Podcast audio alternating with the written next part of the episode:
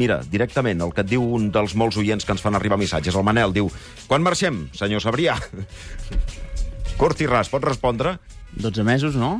D- Digui-m'ho vostè. És el temps que queda, diríem. Crec que el full de ruta està, està clar, no ens, no ens n'hem mogut. Una altra cosa és que obrim nous debats, que a mi en molts casos em semblen positius, eh? i per tant aquesta capacitat de, ter, de fer, eh, que té el país de posar-se nous reptes i de discutir-los i de buscar consensos, a mi em sembla, em sembla que està molt bé, però en tot cas la, el calendari crec que fins ara no s'ha no mogut.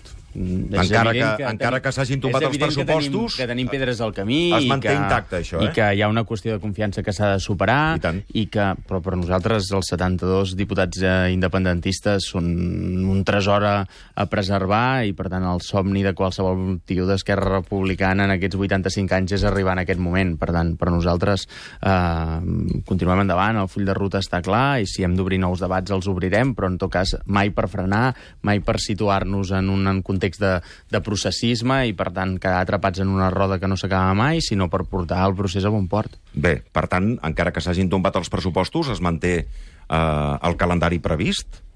12 mesos Nosaltres- més i prou? Nosaltres treballem amb el mateix fet, calendari, el calendari de sempre. El calendari de sempre ens situa eh, en el juny de l'any que ve, no? Mm. per, posar, per posar data amb unes eleccions eh, constituents i, per tant, aquest és, el, aquest és el proper pas.